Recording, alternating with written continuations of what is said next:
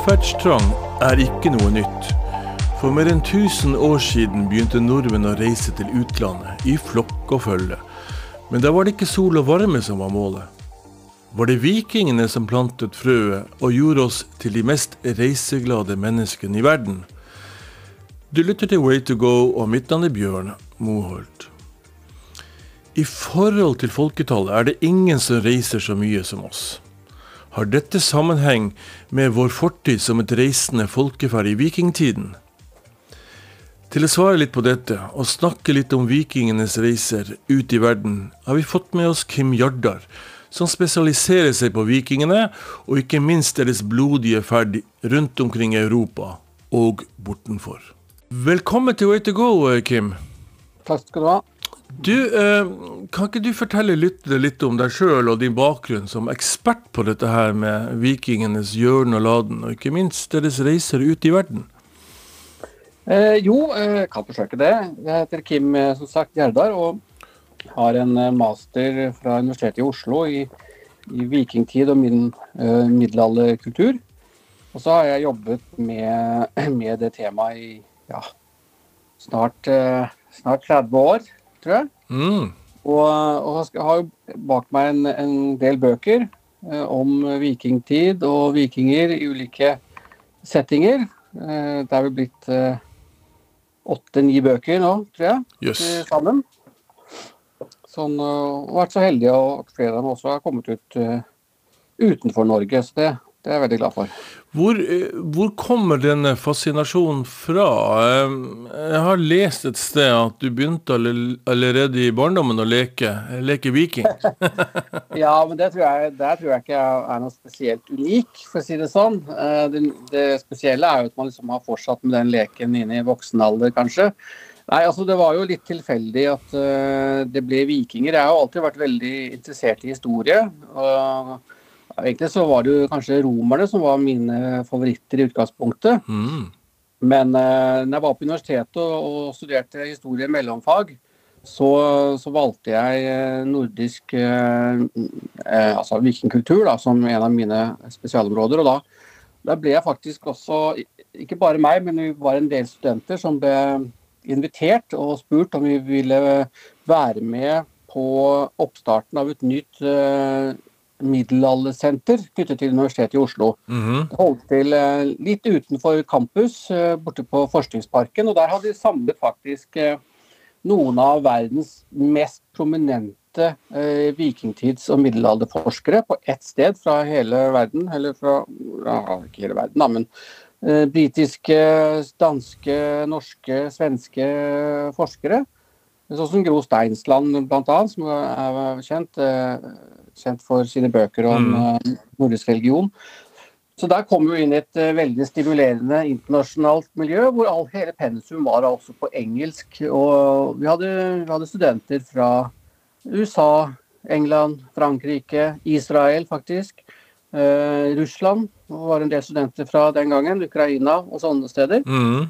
Eh, Så det var et veldig givende miljø. og Der fikk, hadde vi da en sånn tverrfaglig tilnærming til vikingtiden. og Vi hadde kurs i arkeologi, vi var på Island og foretok utgravninger. Vi hadde ikonografi, og vi hadde tradisjonell historie og sånne ting. Så man fikk, på den måten så fikk man jo kanskje et, et litt bredere inngangs, eh, inngangsport da, til eh, temaet enn hvis man bare hadde studert liksom oppe på, på campus. da. Og fellesnevnen, det var altså vikingene og vikingtiden. Eh, eh, når til, hvilken periode snakker vi om her i, i norsk og internasjonal historie? Det er litt forskjellig fra hvor, hvilket ståsted man står ifra. Altså, tradisjonelt sett så har jo vikingtiden blitt eh, definert som perioden mellom eh, eh, angrepet på Lindisfaren på, på slutten av 700-tallet og liksom eh, eh, nederlaget til Harald Hårråde i England i 1066.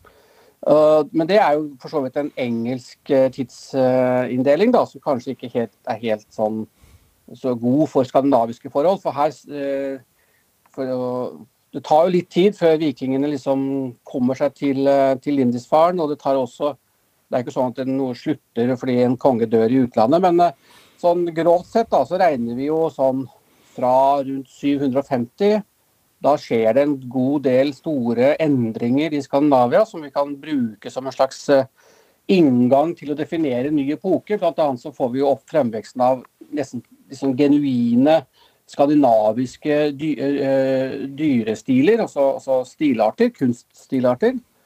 Uh, hvor de løsriver seg på en måte fra frankisk og, og annen Selv ble inspirert av det, ja, kunst. Og nordisk dyre, dyrestil. Og, og, så er det jo dette med skipsteknologien, som jo gjør et uh, voldsomt byks på midten av 700-tallet i Skandinavia ved innføringen av seil. Mm. Og utviklingen av kjøl på, på vikingskipene. Så det er jo, Vikingskipet er jo kanskje selve symbolet på vikingtiden. Og så har vi i tillegg en slags eksplosjon i bruken av jern og produksjon av verktøy og våpen. Og, og jern i forhold til uh, skipsnagler og sånne ting. Så, og alt dette her skjer rundt 750, så det er en veldig fin uh, måte å skille vikingtiden fra uh, perioden før, som vi, vi i Skandinavia kaller for merovingertid, eller ofte også vendeltid. Ja, Det du har gjort nå, er jo på en måte kjennetegne vikingtiden med, med, ulike kulturelle uttrykk. Er det det du har sagt nå som kjennetegner ordet, altså betegnelsen viking? For vi har jo et annet begrep som, har, eh, som kalles å gå i, å dra i viking. Eh, og det er, to, det er, vel to forskjellige ting. Kan ikke du fortelle eh, lytterne litt om, om, for det første den kulturelle konteksten, også ikke minst den, den utferdstrangen som manifesterte seg i en del blodige tilløp? Ja, det at vi i dag eh, kaller alle menneskene i Skandinavia for vikinger, det er jo på en måte en, en moderne måte å, å, å ha, samle, altså, ha, en sånn sekkesbetegnelse på, på menneskene den gangen. I, selve, I det vi kaller vikingtiden, da, så var det jo de færreste som egentlig kunne definere seg som vikinger. Men det er et begrep som ble brukt den gangen. Litt forskjellig fra hvilken epoke man, man ser på. Hvis man f.eks. går til de, de angelsaksiske kildene, eh, altså årbåker og, og, og nedtegnelser i krøniker i klostre og sånne ting, så brukes vikinger som et generelt begrep for sjørøver, rett og slett. Og da, ikke, da, skiller man ikke mellom skandinavere og andre. Da er alle som på en måte driver med sjørøveri og plyndring, blir kalt for vikinger. Hvis vi går til Skandinavia og ser på, for på runesteinsmateriale og sånne ting, så, så, har vi jo mennesker som kaller seg for vikinger, tokiviking og sånne ting. Og, og, i den sammenhengen så betyr egentlig begrepet sjøkriger. Mm. Så har vi jo en del sånne stedsnavn. Vi har jo Viken. Så noen har ment at det kan ha, opprinnelig kan ha betydd eh, mennesker fra Viken. Vi har jo andre navn, sånne stedsnavn sant, hvor folk har kalt seg ting. Eh, hordalendinger og ryger og, og, og, sånne ting. Så kanskje vikværingene er, er, opprinnelsen til det. Det er vanskelig å si. Eh, vik, det å vike, det å avvike fra eh, tradisjonell kurs, kanskje. Det å gjøre andre ting enn det som er vanlig. Kanskje eh, plyndre, da. ikke sant? Mm. Så, men så har vi også en del eh, vi har en del angelsaksiske dikt som forteller liksom om, om man, eh, en reise hvor man besøker ulike folkeferd i Skandinavia. og der sier man at ja, så dro jeg til vikingene, sier de sies det der. Så, så det er ting som tyder på at eh, det å være viking kanskje var en stedsbetegnelse. Altså en folk fra et mm. visst sted, eller også en profesjon. Ja, for det var den, et ord som andre brukte på folk fra Norge, Sverige og, og Danmark. Litt sånn som eh, ordet russ eh, dukker opp etter hvert. Vi skal snakke om det litt senere, tenker jeg. Men, men, men altså dette her med vikingbenevnelsen, opprinnelsen, syns jeg er litt uh, spennende. Og, og det ja, var vel kanskje Ja, unnskyld altså På runesteinene så kaller jo skandinaverne seg selv for vikinger, så det er ikke bare noe andre kaller eh, skandinaverne. Man kaller seg det selv også. Ja, riktig. Og, og da var det en sånn fellesbetegnelse for, for, de folkene som du her eh, Og den geografiske Da var det kanskje i større grad en profesjon, altså det å være sjøkriger, da. Skjønner. Skjønner. Ja. Um, hva, jeg tenkte vi skulle snakke litt om hvorfor da vikingene begynte da disse ferdene sine ut av, ut av Norge. Denne poden er jo retta mot reise og reisevirksomhet, og det er vel det som er anslaget her. Um, du nevnte dette her med, med skipene. Og jeg vil jo tro at det har vært en viktig Kanskje det, det må jo ha vært den viktigste grunnen til at de dro, dro av, av gårde. Hva, hva, var det som førte til at denne teknologien ble så, så fremoverlent? Ja, altså Teknologien er jo veldig gammel. Eh, på en måte kan man jo si at skandinaverne er, kommer langt, langt, langt etter alle andre. Fordi eh, skips, altså Seilteknologien er utviklet mm. tusen år, flere tusen år før det kommer til Skandinavia. Men det som var vanlig her i Skandinavia, var jo roskip og sånn som f.eks. det spektakulære funnene ved Sutton Hoo i, i, England, som jo er kanskje mest sannsynlig skandinaviske eh, skandinavisk krigerfølge og skandinaviske konger som har blitt begravd der, så er jo det enorme store roskip som ikke, ikke er seil. og Det er jo for perioden ca. 100 år før vikingtiden. Mm. Så Vikingene de, de, de, tar igjen den teknologiske utviklingen som har foregått alle andre steder, omkring 750. Men i tillegg da, så utvikler de en, en kjølkapasitet som gjør at det, skipene kan være veldig grunne. De trenger ikke å stikke dypt i vannet. og Det gir jo dem en taktisk fordel ved at man ikke er avhengig av havneanlegg for å legge til. Man kan dra skipene opp på strender, man kan seile opp, eh, opp elver og, og sånne ting. og og, og operere på grunnere vann enn det f.eks. tilsvarende skip mm. fra England og andre steder, seilførende skip, kunne gjøre. Datidens ribb, på en måte? Ja, ikke sant. Så, mm. så det ga dem jo en, en, en, en taktisk fordel. Eh, ellers så vet vi at vikingene samhandlet jo med England og andre steder før vikingtiden også, men da med roskip, og da rodde man jo ned langs kysten. Ikke, og ikke dro over Atlante, uh, Nordsjøen, sånn som, eh, og Atlanterhavet, sånn som man gjorde senere. Det åpner åpnet opp på en måte men, eh, en større eh, ja. Men, men de nye skipene gjorde vel, at, gjorde vel, at, de kunne dra av gårde mye raskere og gjorde, gjorde dem mer manøvrerbare og i det hele tatt Absolutt. Ja. Mm. Kortere, kortere, reisetid. Det vil ikke ta, ta mer døgn å seile over til, til Shetland og, og Orknøyene. Såpass, ja. Mm. mm. ja. Ja, det var ikke akkurat cruiseskip vi snakker om her, nei. Nei, det må ha vært litt eh, kjølig og litt sånn vått og åpne skip ute på havet. og jeg må jo tenke også Det er veldig mange som aldri kom fram òg. Det spesielle med disse skipene er jo at eh, Nordlandsbåten, som min, min, bestefar faktisk rodde i, på, i fiske på, den, den, er jo en, på en måte en, en, forlengelse Nå må du gjerne korrigere meg. altså En forlengelse av disse, disse båtene som var lett manøvrerbare og kom seg raskt ut på, på feltet. Ja, de har, eh, de har, eh, noen eh, lignende egenskaper. De er litt annerledes konstruert mm. enn det vikingskipene var, men, men, prinsippet er i stort sett det samme. Med, med disse råseilene og åpne båter og, og litt sånn Ja, okay, jeg er ekspert på, på nordlandsskip, men, men det, er en, det, er en, forbindelse der. Mm. Jeg vil jo tro at de, de samhandlet rundt omkring langs kysten eh, på den tiden også. Så, så, men du nevner Lindisfaren i 793, var vel det som det, et av disse merkedatoene for når Viking uh, satte i gang disse, disse Ja, det er i hvert fall det som Det er en dato som er uh, skrevet ned i angelsaksiske krøniker. Mm. Som, som, en sånn dato. Men det er jo, det er jo spor etter vikingaktivitet i de angelsaksiske kildene før den datoen også. på helt ned til 780-tallet så, så, snakkes det jo om sjørøvere og om at man beskytter seg mot, uh, mot, uh, mot, folk fra sjøen og sånne ting. Og så har vi jo en hendelse fra Påsmo til 789, hvor, hvor, det som antagelig er vikinger fra Hordaland, som de selv kaller det, slår seg ned på Isle of Wight annet, og sånne ting. Så, så det at det ble Lindisfaren, var vel kanskje bare fordi at det, den kristne tradisjonen ble så ble brukt så, som, så, i sånn voldsom propaganda eh, etter hendelsen og utover middelalderen, og, og, kanskje også i nyere tid. Så, så det, men det ville tatt veldig lang tid da, for vikingene å komme seg til Lindisfaren og utvikle teknologien og, og, og komme seg dit. Så, så, det at det er en startdato på vikingtiden, det ser jeg på meg mer som en slags ja, interessant for Englands del, men ikke særlig interessant for alle andre. Mm.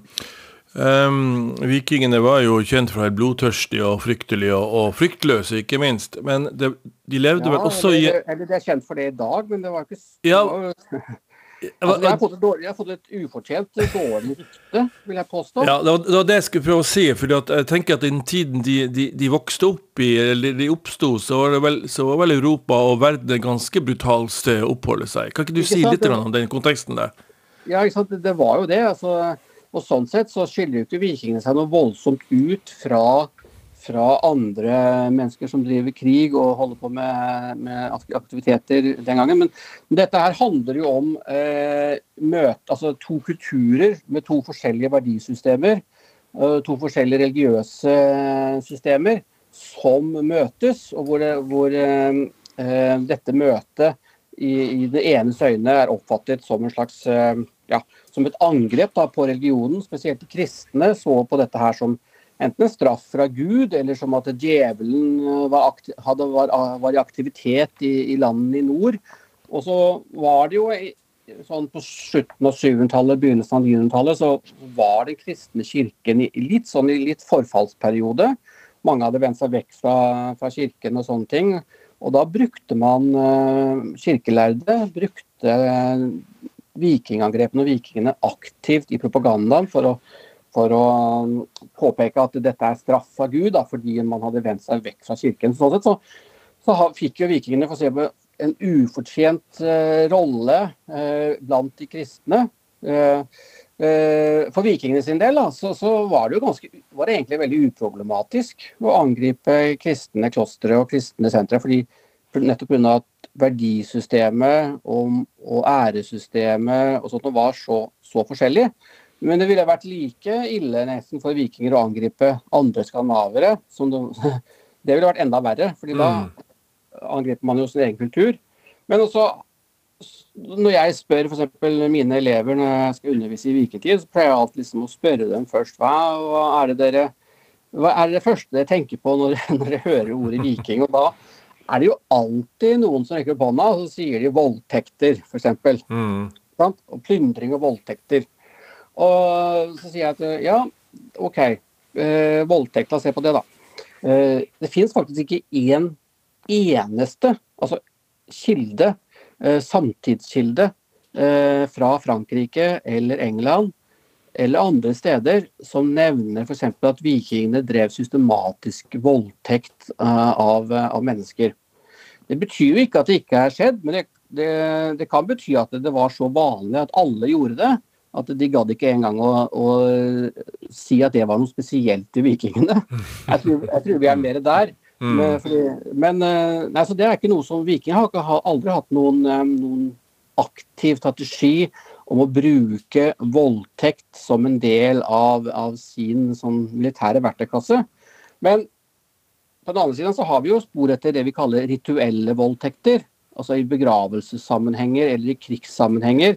Men da er jo dette rettet ofte mot, eh, mot å nedverdige eh, egne medlemmer av den samme kulturen, da. Mm. For Eller at det er snakk om religiøse ritualer hvor man bruker voldtekt som en del som en slags offer, eh, måte å ofre da fruktbarhets... det man ser på som, som fruktbarhet, da. Ja, Som sagt så var det en brutal tid de vokste opp i. Jeg leste et sted at det det. Eh, en samtidig frankekong Karl den store han hogg hodet av 4500 saksere på én dag. Etter første ja, å ha døpt dem. Det var jo etter, etter første kristne av dem i verden, da han mm. Eh, angrep eh, saks, det som er saksen da, i Nord-Tyskland mm. på slutten av 700-tallet så var jo de delte de veldig mange kulturelle fellestrekk med skandinaverne. Og det var ganske stor, tett eh, kontakt mellom skandinaverne, spesielt danskene, da, og de saksiske høvdingene. Uh, vikingene er jo germanere, sånn som, uh, sånn som, alle andre nord for den romerske grensen på en måte var. Uh, og det er bare de siste, siste, germanske stammene som på en måte ble kristnet. Så sakserne og, og skandinaverne hadde veldig mye til felles.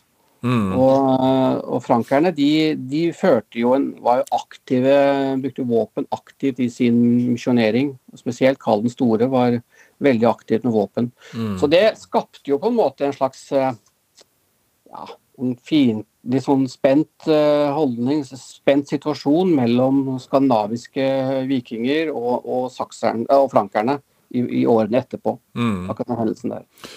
Du, eh, jeg har lest et sted at eh, årsaken til at vikingene etter hvert dro ut, eh, altså på den tiden, så det var trangboddhet. Eh, men noen hevder jo også at eventyrlyst og, og, utforskertrang, at disse skipene ga dem muligheten til det.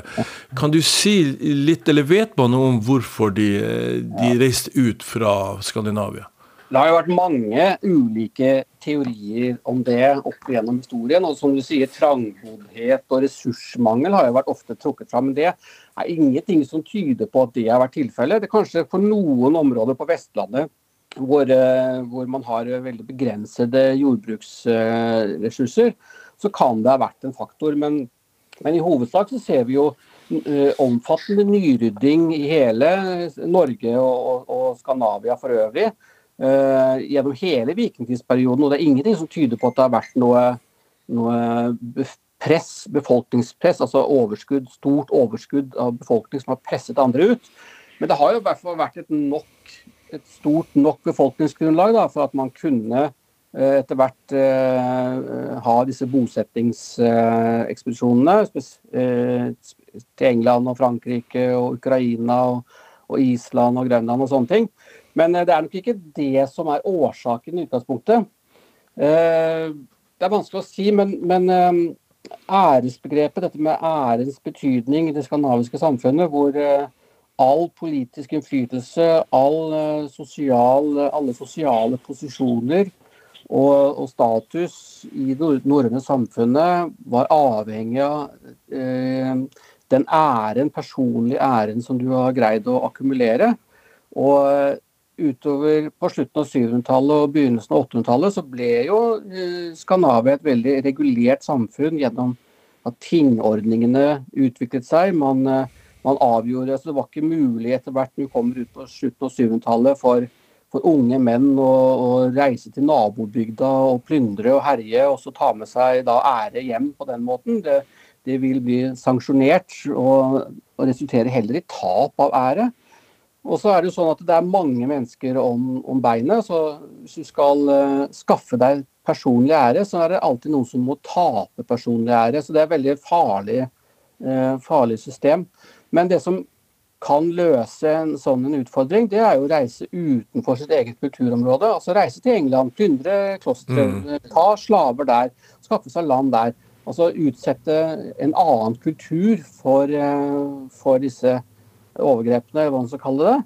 Og Dermed så vil du kunne akkumulere masse ære som du kan bruke eh, hjemme. da, Uten at det går utover din egen, din egne, for å si det på den måten. Mm. Så Det har nok vært en veldig viktig faktor. Og så viste jo de tidlige vikingtoktene viste jo liksom at eh, langs den frankiske kysten, langs den engelske kysten, så lå det massevis av helt ubeskyttede bosetninger, og ikke minst også religiøse sentra, som hadde akkumulert store verdier. Og disse var liksom ikke beskyttet i det hele tatt. Mm. Det, og det var jo ikke noe tabu innenfor den, eh, for den hedenske verden å, plyndre klostre.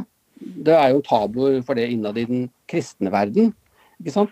Så, sånn sett, så, så når folk, de tidlige ekspedisjonene kom tilbake med med stor plyndringsgods og, og, slaver og, og, sånne ting, og fikk enorm oppmerksomhet og ære pga. det, så ansporet jo det veldig mange andre til å gjøre det samme. Og Etter hvert så, så begynte, noe, begynte, man jo å etablere seg i sentrale områder, hvor f.eks. man kunne kontrollere handel, ikke minst. Handel eh, mellom Skandinavia og Storbritannia, Irland og sånne ting. Og Da ble det jo veldig lukrativt å, å på en måte eh, bli en del av disse, den, øko, de, de, økonomiske systemene som vokste fram der. Mm. Så, så, du kan si at eh, personlig ære, eh, jakt på rikdom for å skaffe personlig ære, jakt på rikdom for å, for å spille politisk spill, som jo alle måtte gjøre den gangen. Altså, man var jo, var jo ikke sånn at noen var født, sånn som i kristne kongeideologien, hvor man er, eh, hvor, man er, hvor, makten på en måte er sanksjonert av Gud, og alle har, hatt plikt til å underkaste seg. Det er ikke sånn det fungerer i Skandinavia. Der, der er, jo, er jo alliansebygging. altså Du må jo eh, dele ut gaver, du må gi øse av din rikdom for å kunne få politisk støtte. Ikke sant? Så da trenger du masse midler til det. Mm. Altså, det er kanskje heller sånne eh, faktorer som spiller inn, enn liksom at å, her er det så dårlige forhold. Ja, riktig. Det kom noen hundre år senere. Eh, ganske mange hundre år senere, har jeg skjønt, ja. på 1800-tallet. Du, eh, jeg var på Cuba her for noen år siden, og eh, da jeg dro fra flyplassen til hotellet mitt, så hadde jeg en sjåfør, så på slutten av turen så spurte han meg hva jeg het. Og jeg sa jeg heter Bjørn. Da ble han nesten så han la seg ned på knærne, altså. For han, hadde, han drev og fulgte med i denne TV-serien Vikings på Cuba. Og, og, det er jo slik på Cuba at de har jo ikke det på TV. De måtte smugle inn så, sånne USB-drives for å kunne se disse seriene. Og Vikings var den viktigste og mest, mest, populære serien, tydeligvis. For han og for veldig mange andre. Har eh, denne interessen uh, for vikingene Kommer den nå, den internasjonale interessen, delvis også fra hva skal jeg si, TV. Eh, og hvorfor har TV-en tatt tak i, i, denne vikingtiden og løfta den opp i, i, den grad den har gjort? Altså, øh, helt siden, øh, altså, helt siden altså, filmens barndom så har jo vikingene vært et tema for, øh, for populærkulturen. Altså, Noen av de tidligste stumfilmene rundt 1911 var jo The Viking Queen. og så og, det første, og så fikk vi talefilmene. kommer vikinger. Så vikinger har alltid vært en del av, av uh, populærkulturen. Fordi, nettopp sikkert fordi at uh, dette med, med, oppdagelsen av Amerika, selvfølgelig, mm. fra vikings Leif Eriksson, dette med, med liksom, krigerlivet, spektakulære skip, hedendom mot kristendom, ikke minst har alltid fascinert eh, både lesere og lyttere og, og, og seere. Så, det er, ikke, det er ikke unaturlig at uh, kommersielle krefter ønsker liksom å, å, å, ta tak i det og bruke det eh, i underholdningssammenheng. Og, det, og opp gjennom tiden så har det gått i bølgedaler. Man mm. hadde liksom en topp på begynnelsen av 19-tallet, og så dappa det ned. og Så kom det en topp på, på 30-tallet, og så gikk ned igjen. Så hadde man en topp på 50-tallet. Og så forsvant det igjen, og så hadde man en ny topp på, på, på slutten av 60-tallet og 70-tallet. Og så gikk det ned igjen, så fikk man en liten topp på 80-tallet. Og så nå har man liksom egentlig tenk på, nå har man egentlig vært liksom på sånn oppadgående mm. Eh, vikingtrend eh, siden ja, ja, siden 2010, kanskje. Så dette har vært veldig Og her har nok eh, The Vikings og, og sånne type serier vært veldig viktige for å holde dette her ved like. Mm. Uh, og Det kommer jo stadig nye sesonger og nye spin-offer av, av, sånne serier. Er, og, det, og, de som har sett disse seriene, sier jo at de er veldig underholdende. De er, de er eh, spennende lagd og sånne ting. Fra et uh, historikersynspunkt så, så, så, har de jo liksom ikke gjort det ordentlig, da. Men, men holdningsmessig så har de truffet en nerve, tror jeg. Ja da, uh, det er sånn, sånn bike, bikervikinger og masse kvinner som slåss. og det er sånn og det er romerske rettssystemer, ikke norrøne rettssystemer. og og, og, de bruker jo ikke arkeologiske funn til, som grunnlag for verken våpen eller klær eller smykker eller noen ting. Så, så det er en fantasy-vikingverden. Så, så, på en måte så kan man si at ja, det er fint det at uh, disse seriene skaper oppmerksomhet om vikinger, men um, det dummeste Man ser jo ofte sånn på vikingmarkeder og de som driver med seriesting, så dukker det alltid opp noen som har trodd som har kledd seg for den serien. Og de finner veldig fort ut at det, det er de som er annerledes. så den serien er jo ikke basert på Altså, den, den, er jo basert på historiske hendelser, men de er, sauser jo sammen f.eks. hendelser som foregår over en periode på 200-300 år. og Mennesker som levde i forskjellige epoker, opererer sammen i, i denne serien. og sånne ting, så dette er ren underholdning. Ja da, eh, og jeg tror at de som ser på dette, her skjønner det langt på vei også. Eh, det er litt av eh, TV- og filmmediets fortrinn, det er jo å skape disse dramaene. Det vet man jo, hvor man har tatt tak i nyere historie òg. Vikings er det nye Horn på hjelmen-serien. Ja, riktig. Ja, ja, riktig. Hornet på hjelmen, som ikke egentlig aldri har uh, fantes. Ja, riktig. Nei, jeg syns det er litt spennende, og det er klart at den filmen er vel ikke laget. Jeg så en, en Robin Hood-film som visstnok skulle vært laga etter slik det faktisk var, og den ble dørgende kjedelig med masse regn og, og, og, Ikke sant? Det var ikke spesielt oppløftende. Du, Når det vikingtiden, så tror jeg faktisk at der overgår virkeligheten fantasien eh, hele tiden. Så Nettopp. det er nok å ta av. Ja, jeg vil tro det. Du, eh, Nå skal vi bevege oss ut i verden, da. Og, og eh, Vikingene de fikk jo disse skipene. De svenskene så vidt jeg har skjønt, de dro østover. Nordmennene dro, no, dro vestover. Eh, danskene sør-vestover osv. Um, kan du si litt grann om de, de, de viktigste stedene de, de, havnet Vi kjenner jo, Mange kjenner jo til historien om vikingene i, eh, i Bysants, altså i, Ja. i Istanbul. Men, men det finnes andre historier andre steder. Og i Storbritannia så har jo jeg vært flere ganger, bl.a. i Yorkshire, og der er det jo mange navn. Eh, altså eh, norske ett av navn som fremdeles er å finne. Og der er de veldig stolte av sin eh, vikingfortid. Kan du si litt om det? Ja, spesielt Storbritannia. Der er, det er jo en veldig, er veldig tett integrert. altså Det som kalles for, ble kalt for banelagen. altså det, det som er det østlige, sørlige, sørøstlige Storbritannia. eh, som inkluderte de gamle landområdene Northumbria, Mercia eh, Wessex eh, og- East- East Anglia. Ikke Wessex. Wessex okay. var alltid utenfor vikingenes kontroll. Skjønner. Så det var det eneste altså Da vikingene kom til England, så var det jo fem kongedømmer i England. Um, og fire av dem ble jo ødelagt av vikingene, mens det siste Wessex overlevde. Og det er jo fra Wessex at gjenerobringen av England startet, og som ble grunnlaget for det, for det moderne England. Så Mm. vikingene var aldri, hadde aldri kontroll over Wessex. Uh, men uh, spesielt da danelagen og, og de fem, uh, det som kalles for de fem fylkene, som eh, var områdene rundt Nottingham og Lincoln og, Stamford og Derby og eh, eh, Leicester mm. i sentrale England, er jo, er jo områder som i dag er veldig rike på, på funnområder. Og så har vi jo et veldig sted som jeg syns kunne være veldig interessant å reise. Det er jo til, til Repton. OK? Aldri hørt om. hvor Repton ja, det er jo det er sent, egentlig et senter for, den, eh, for kongedømmet i, i Mercia, som ble erobret av vikingene i den store hæren på, på midten av 800-tallet, rundt 863 eller 64.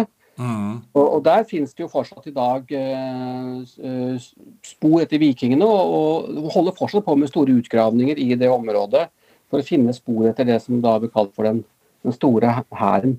Og da, Den eh, ligger jo ved elven Trent, som var en elv som på en måte rant uh, nordfra. så Hvis du reiser, seiler inn, uh, in Humber, og da kan du enten ta, uh, dra nordover mot York, eller du kan dra sørover uh, langs Trent-elven. og Da kommer du til, til Repton. Det ligger midt i England. Veldig interessant eh, område med massevis av eh, vikingkultur. Og Der er det mange som er opptatt av dette. her. Og Der kan du, du kan komme inn i kirken og se krypten og hvor, eh, hvor vikingene på en måte eh, bygde en svær festning da, rundt, rundt den kirken som var der. Det er ikke så mye igjen av den festningen i dag, men det er en stor gravhaug der som, Mm. som er spennende. Eller så er det som du sier York, selvfølgelig. Jorvik, som ble senter for, eh, for ja, Northumbria-kongedømmet. Der har vi jo Stamford Bridge, det er ikke så langt utenfor York. Veldig interessant sted å dra til. Hvor Harald Hårråde møtte sin skjebne i, i 1066. Så eh, jeg anbefaler det. Der er jo en del minnes, minnestavler og sånne ting.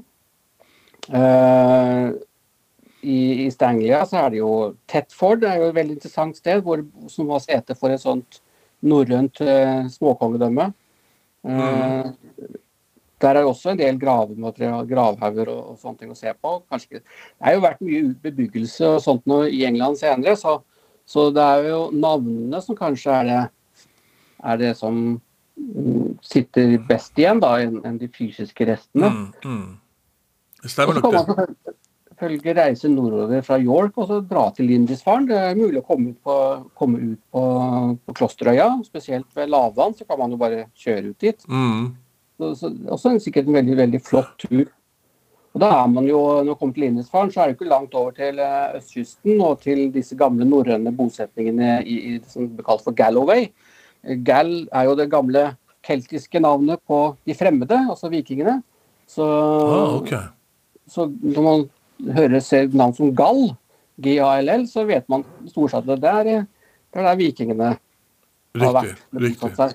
Der finnes det jo en del fantastiske sånn bland, sånn spor etter denne keltiske norrøne blandingskulturen, spesielt i Gosfort.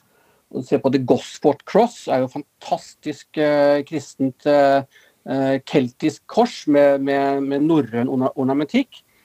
Og også finnes det jo veldig mange sånne, sånne typer spor etter, etter den norrøne bosettingen da i, i, i Øst-England i nord. Mm. Finnes det en sånn samlebeskrivelse av disse eh, stedene som man kan begynne å, å, nøste litt, hvis man har lyst til å dra over og, og følge i vikingenes fotspor? Det er, det er, kanskje mulig at noen har gjort det. Jeg kjenner ikke til at noen av har samlet i, laget en sånn en spesiell guide til vikingenes uh, verden i England. Mm. Uh, jeg ga ut en bok i 2013 som het 'Vikingenes verden', hvor jeg har, hvor jeg har samlet laget en del kart over ulike deler hvor vikingene var veldig aktive. Så det går an å bruke f.eks. Eh, en sånn en kilde til å planlegge sin egen, sin egen reise, f.eks. Mm. Og Der er det jo også kart over hvor, tett, hvor man har flest navn og, og tettest konsentrasjon av, av, bosettingsområder og sånne ting. Så hvis man er interessert, så, så vil man jo uh, treffe på. Hvis man er litt oppmerksom, litt interessert og vet hva man ser etter, så tror jeg ikke man skal kjøre veldig mange kilometer i det sentrale og nordlige England før man, før man treffer på eh, norrøn kulturarv i det hele tatt. Men jeg, jeg, jeg, tror at det er veldig spennende, og det er liksom spiken i suppa. Jeg er selv ikke sånn kjempeinteressert i dette her. altså Det er ikke sånn at jeg er på ditt nivå her, men jeg syns det er morsomt å, å, komme over disse stedene. og da tror jeg det når du har det utgangspunktet eh, for å, oppsøke et sted og bli kjent med det, så tror jeg akkurat den spikeren der, den knaggen der, er ganske, ganske interessant. Det er det. Eh, vi, eh, la oss bevege oss litt videre, eh, Kim. Jeg, i, jeg, fikk et tips her om at løvene utenfor skipsverftet Arsenal i Venezia hadde graffiti fra, fra vikingene. Og da slo det meg at, at, det ville jeg oppsøke. Jeg bodde i Venezia en ukes tid og, og, og fant da noe som minnet om disse tingene her. Men den historien er visst litt mer komplisert enn som så. For det, er, de, det er jo krigsbytte ja. som, fra, som venesianerne tok med fra Pireus, havnebyen i, i, i Hellas. Uh, da er der disse løvene opprinnelig sto, og der må det ha vært væringer. altså Væringer er jo det navnet som, uh, som, man, som uh, bysantinske kilder bruker på, på, vikinger, væringer. og Man har jo også den berømte væringgarden, Mm. Altså en slags livgarde som oppstår på begynnelsen av 1000-tallet.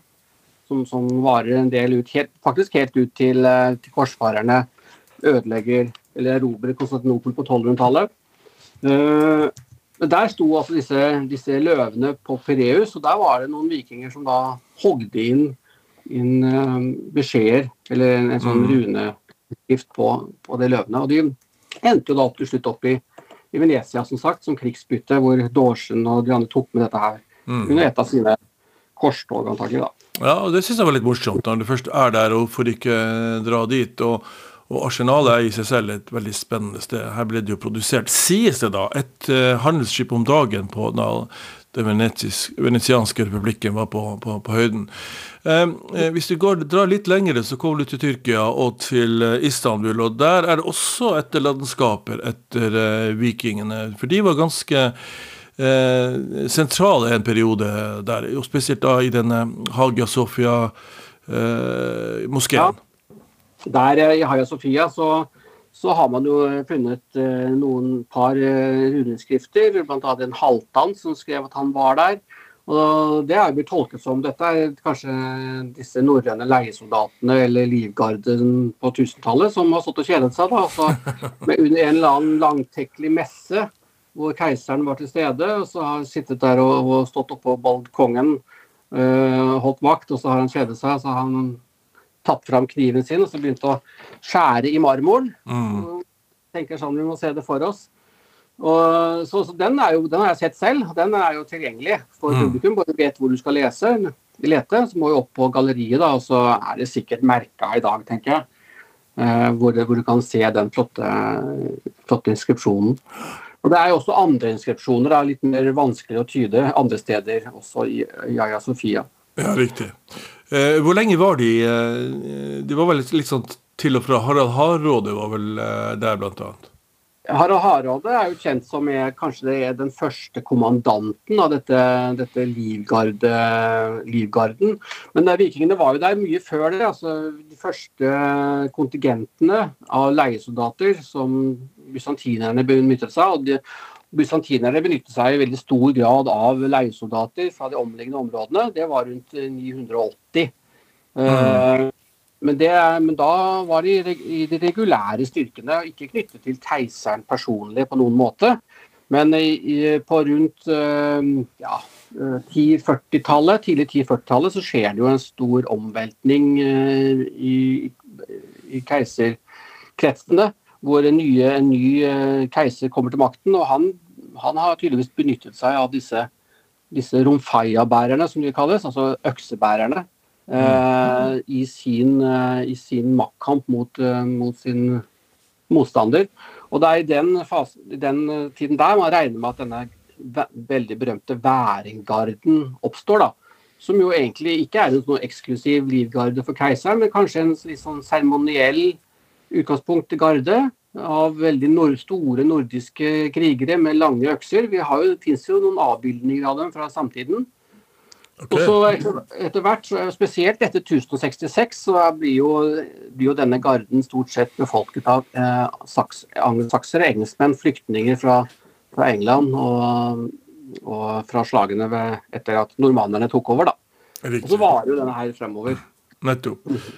Ja, nei, altså, Historie er, er utrolig fascinerende. Man begynner å nøste opp i dette. her. Og Jeg nevnte litt sånn innledningsvis dette her med, med Ukraina og Russland og Kivriket.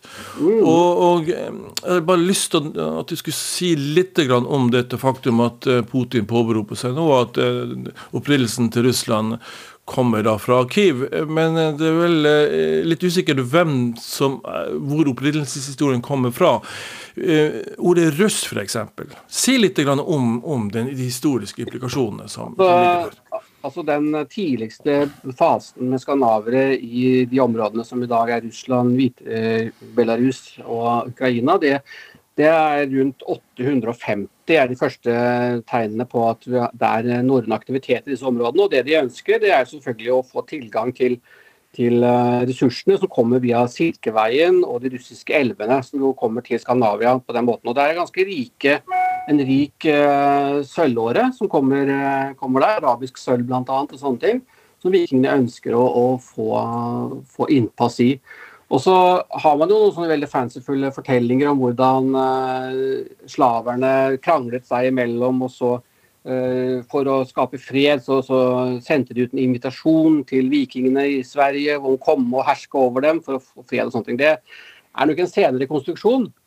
Det vi må se for oss, er at veldig ambisiøse skandinaviske krigsherrer slår seg ned i sentrale områder eh, langs eh, elvesystemene. Hvor de sitter der og, og utøver politisk og økonomisk kontroll.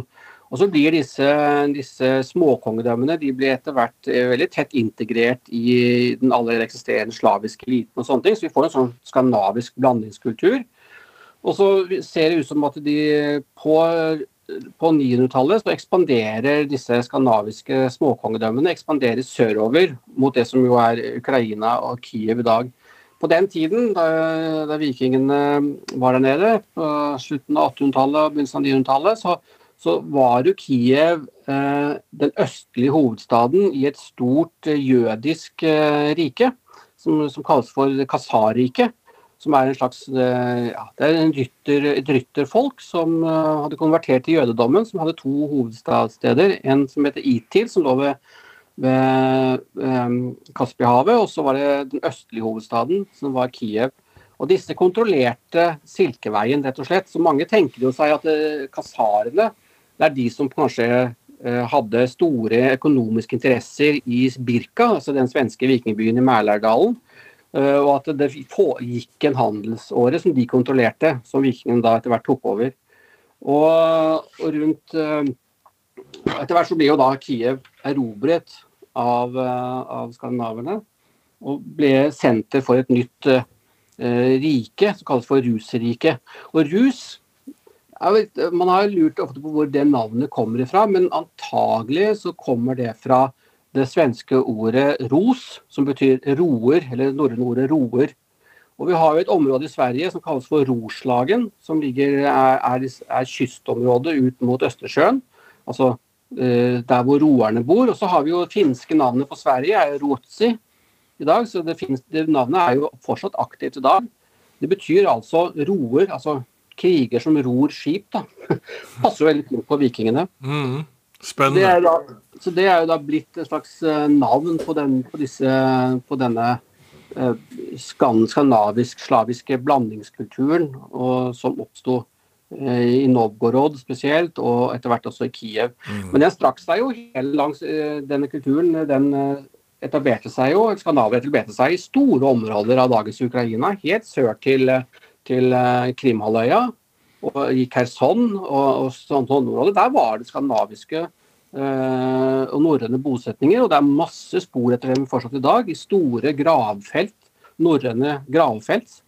Uh, mange av disse er fortsatt ikke utgravd, men dessverre så er jo dette veldig vanlig å, å bli plyndret.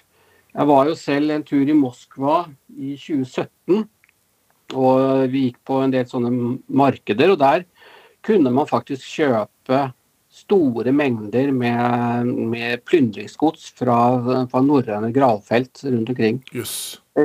Så det var, var, vanskelig for en historiker å, å se det. Uh, men var, for, så lenge folk uh, vil kjøpe dette her, så blir det jo gjort, dessverre. da. Mm. Fryktelig. Nei, så, så, der er det jo en, er det en flott blandingskultur, da. Det er det jo. Ja. Skandinavisk blandingskultur. Kjempespennende. Så når, Putin, så, når, så, så når Putin sier at Skandinavia ikke har noe med, som jo også sovjetiske forskere sa i sin tid, at, det, at Russland ikke har opphav, egentlig ikke har opphav i Skandinavia, så, så, så, så, bruker de jo liksom at mongolene rykket jo inn på 1220-tallet mm. og erobret dette riket. Og så flyttet jo maktsfæren seg til dette Moskva-fyrstedømmet eh, etter hvert.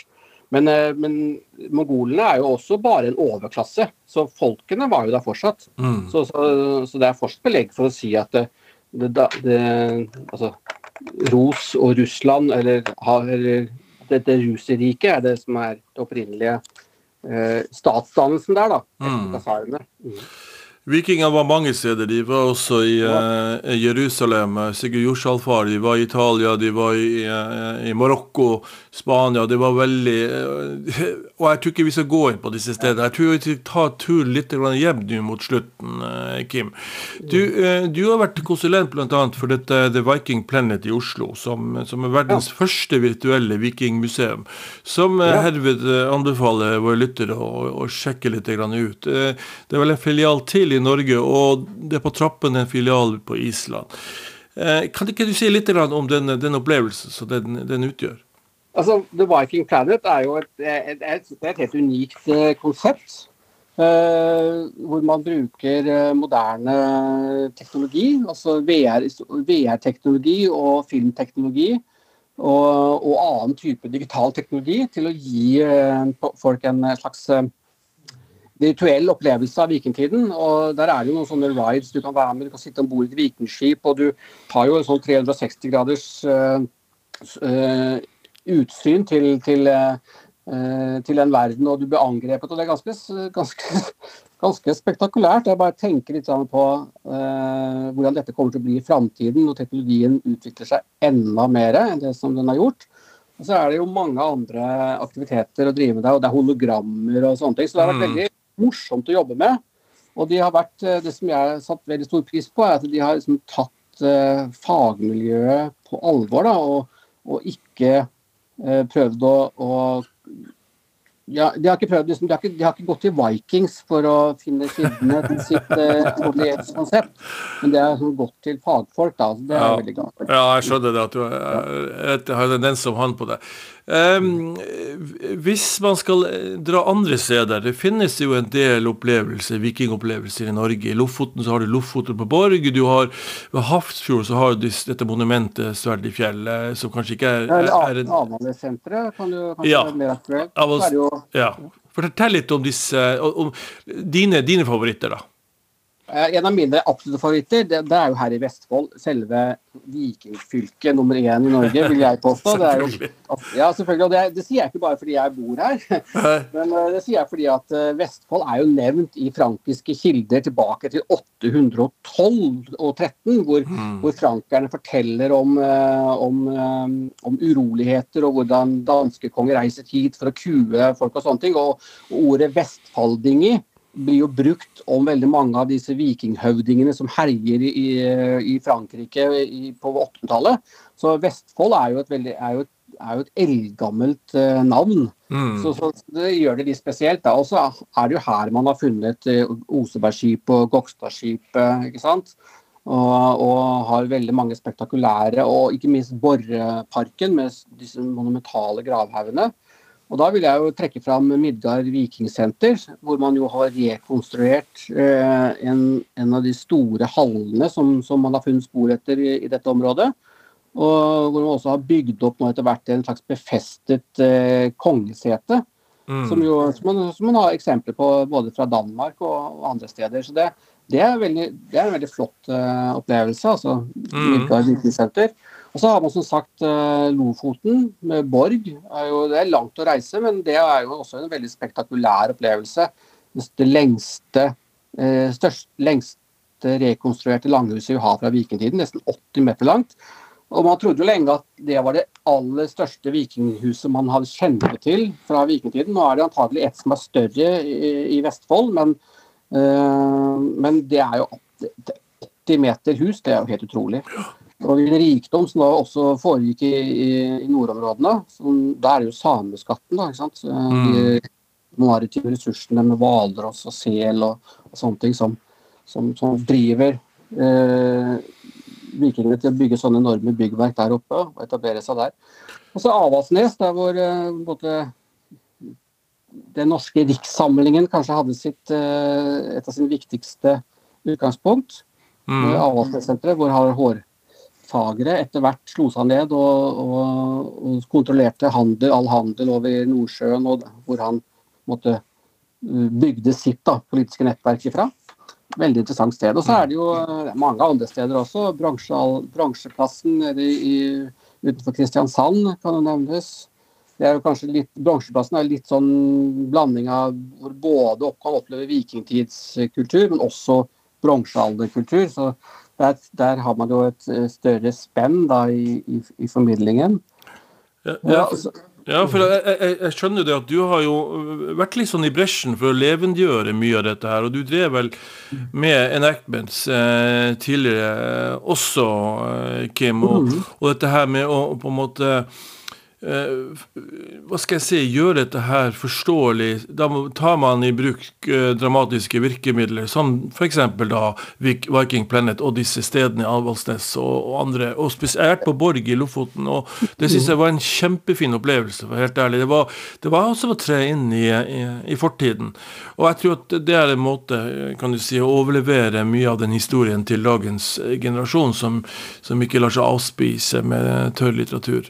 Så, ja, så, ja, unnskyld. Ja, det er jo sånn at De aller fleste av disse stedene her har jo, og mange mange, mange andre steder, har jo uh, i sommerhalvåret uh, vikingfestivaler og vikingmarkeder. Mm. Hvor vi opplever veldig stor grad av autentisitet når det gjelder håndverk og bekledning og, og sånne ting. Og, og, og, dette er ikke bare noe som vi driver i Norge. Danmark, masse i Danmark, masse i Sverige, masse i England. Eh, I Polen holder de på med dette her. I, ja, jeg har også vært på et sånt stort vikingsamling med 2000 eh, vikinger yes. eh, i Russland. Var, og, og, Ukraina er det veldig mange som, som driver med reenactment og, og vikingkultur og, og, sånne ting. Og, og, USA har jo et veldig stort, stort eller scene for, eh, for reenactment og vikingkultur.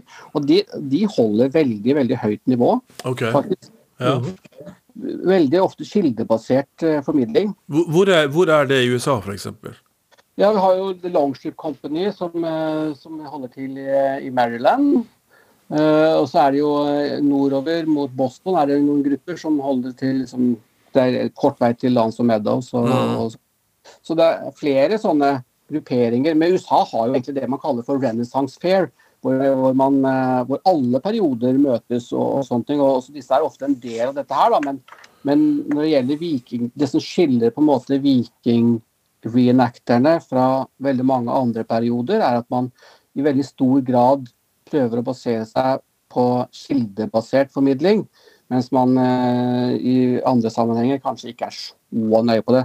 Det ser vi også i Norge. Altså, hvis du går på en middelalderfestival, så, så er det egentlig sånn alt fra enhjørninger og, og 'Ringenes herre' til veldig seriøse middelalderformidlere. Men går du på vikingmarkeder, så, så, er det bare viking. og Der, der, der ser, du ikke, ser, du ikke, fantasy i samme grad. da. Så disse, disse hjelmene med horn de vil du fremdeles kunne se enkelte steder? Ikke på vikingmarkeder, men på middelaldermarkeder. du, jeg tror at vikingen kommer til å leve med oss eh, ganske lenge fremdeles, eh, Kim Jørgen. Jeg håper jo det, da. Ja.